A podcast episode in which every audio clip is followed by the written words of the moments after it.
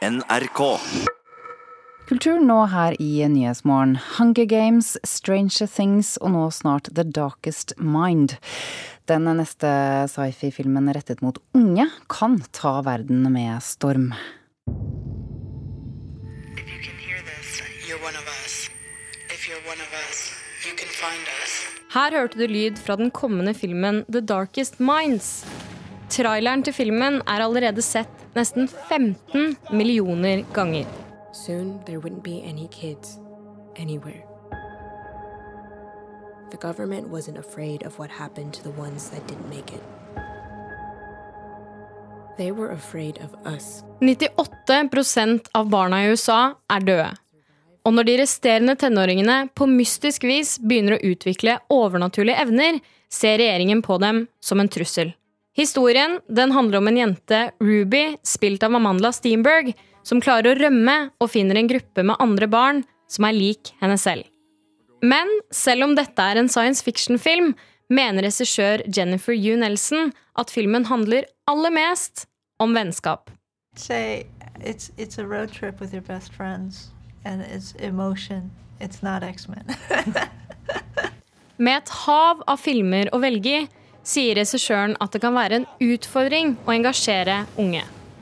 Hovedkarakteren i filmen The Darkest Minds, Amandla Steenberg, mener filmen skiller seg ut ved at den er mer morsom enn tidligere dystopifilmer for unge, som eksempel Hunger Games. I think it's different in that it's it's much more fun than the Hunger Games. The Hunger Games is really heavy, and I think you'll find there's a lot more humor and camaraderie. Steenberg tror at mange unge kan identifisere seg med karakterene i filmen ved at de går gjennom mange av de samme følelsene som man kan kjenne på som ung i dag. Som tvil og en søken etter å finne seg selv. Having them go through a myriad of emotions that teenagers go through, which is, you know, doubt, um, trying to figure out who your friends are, trying to figure out who you are, um, trying to understand how to wield what power you do have in the world and what you don't believe in and how to stand up for it. We don't have to stay in darkness. We've survived all of this. Til tross for et ganske mørkt utgangspunkt håper regissør Jennifer Yu Nelson at publikum vil sitte igjen med et smil om munnen etter å ha sett filmen, og at den virkelig skal få publikum til å tenke. it's a film that will make you cry and hug someone that you love and feel like you need to get up and do something Reporter i saken var Kaja Marie Andreassen og Kjersti Flå. Kunst som nazistene tok fra jødiske kunstsamlere under andre verdenskrig eh, skaper strid i eh, USA nå. To museer risikerer nemlig å måtte gi fra seg kunstverk. Hvordan har de havnet i denne situasjonen, reporter eh, Thomas Alvarstein Ove? Det er eh, Norton Simon Museum i eh, Pasadena, California og Metropolitan Museum i New York som eh, er oppe i hver sin rettsprosess med krav fra etterkommere av jødiske kunstsamlere. La oss ta California-museet først. Der bestemte retten i går, skriver Los Angeles Times, at museet skal få beholde to malerier fra rundt 1530, henholdsvis Adam og Eva av Lucas Cranach. Bildene ble tatt fra en jødisk kunsthandler i Nederland. Nederlandske myndigheter hevder arvinger sa fra seg retten til akkurat disse to bildene etter krigen. Dermed ble de solgt til en samler i 1966, som igjen solgte videre til Norton Simon-museet. Og der har Adam og Eva hengt siden, altså i nesten 50 år. Den eneste gjenlevende slektningen av denne kunsthandleren er uenig i fremstillingen av forhistorien, og vurderer altså å ta saken videre i rettssystemet. I New York så er det mer moderne kunst det strides om. Ja, Der dreier det seg om skuespilleren som Picasso malte rundt 1905. Her er det levert inn anke fra en arving etter den tysk-jødiske kunstsamleren Paul Leffmann. Leffmanns familie hevder han ble tvunget til å selge bildet på flukt fra nazistene. Og Allerede under krigen så havnet akkurat dette bildet på et galleri i New York. Og i 1952 ble det gitt videre til The Met, byens store kunstmuseum.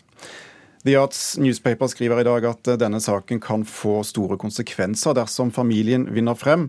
For én ting er kunst som nazistene helt konkret konfis konfiskerte og stjal. Noe annet er tvangssalg, som det altså hevdes her. Museet viser til at maleriet fysisk aldri var i hendene på nazistene. Men Wiesenthal-senteret, som har jobbet mye med retur av jødiske verdier etter krigen, mener det ikke går an å se på kunstsalg jøder foretok under nazistyret som legitime. Thomas, la oss skru tiden litt frem i tid, for det kan bli en spennende høst for plateselskapet Universal. Ja, Universal Music, som altså er et av de tre store plateselskapene i verden, de eh, kan bli solgt. Den franske eieren Vivendi sier de vil selge halvparten av selskapet. De selger bare 50% fordi de mener det vil være for komplisert å selge alt til en god pris. Nå ønsker de seg heller en såkalt strategisk partner som kan være med å snu pilene opp igjen, etter at inntektene har falt med 1,4% Så får vi vente og se om dette får noen betydning for eh, artistene, eller til og med oss eh, musikkjøpere. Nyheten den kom litt bortgjemt eh, som et apropos da Vivendi presenterte halvårstallene i går.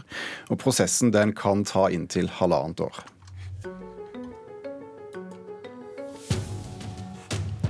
Opptil eh, flere lyttere har lagt merke til at eh, Nyhetsmorgen eh, ganske ofte snakker om filmen Mission Impossible.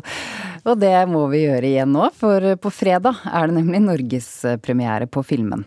Den heter altså Mission Impossible Fallout, så det er den sjette filmen i serien med Tom Cruise i hovedrollen som hemmelig agent. Og som mange sikkert har fått med seg, så er noen av scenene i filmen innspilt på Preikestolen i Rogaland, og NRKs kritiker Birger Vestmo kan melde at dette er et svimlende høydepunkt i en imponerende film. Benji, you copy? We copy, go! Change your plan! I'm blown! Need extraction! We're on our way! Det er ikke mange filmserier som kan skryte av å ha nådd en formtopp i sin sjette film, hele 22 år etter den første. Mission Impossible Fallout imponerer stort med vanvittig action, en sterk nerve og en klar følelse av hva som står på spill, både på personlig og profesjonelt plan. La gå at historien har en svært episodisk struktur, og at skurkenes mål er litt diffust og uavklart. Det er mindre viktig i en film som har som fremste formål å være halsbrekkende eskapisme. Tilsynelatende evigunge Tom Cruise sementerer sin posisjon som en av vår tids mest effektive actionhelter, samtidig som det kan slås ettertrykkelig fast at Preikestolen egner seg utmerket som et bokstavelig talt svimlende høydepunkt. Way. Walker, Enough talk. I'll see you in Paris. IMF-agenten Ethan Hunt, spilt av Tom Cruise, må forsøke å forhindre at terrororganisasjonen Apostlene anskaffer seg plutonium for å lage atombomber. Mot sin vilje får han selskap av CIA-agenten Walker, spilt av Henry Cavill, som kanskje følger egne ordre. IMF-kollegene Benji, spilt av Simon Pegg, og Luther, spilt av Wing Rames, følger med dem på et farlig oppdrag som tar dem til både Paris, London og Kashmir, samtidig som Hunts bekjentskap fra forrige film, den tidligere MI6-agenten Ilsa, spilt av Rebekka Ferguson, dukker opp i en uavklart rolle. You have something I want. Right now, that makes me the only person you can trust to get you out of here alive. I think I'd like to go home now. Regissør og manusforfatter Christopher McQuarrie greier å kaste inn flere smarte overraskelser som er ment å forvirre, slik at man stadig blir usikker på hvilken side noen av figurene egentlig befinner seg på.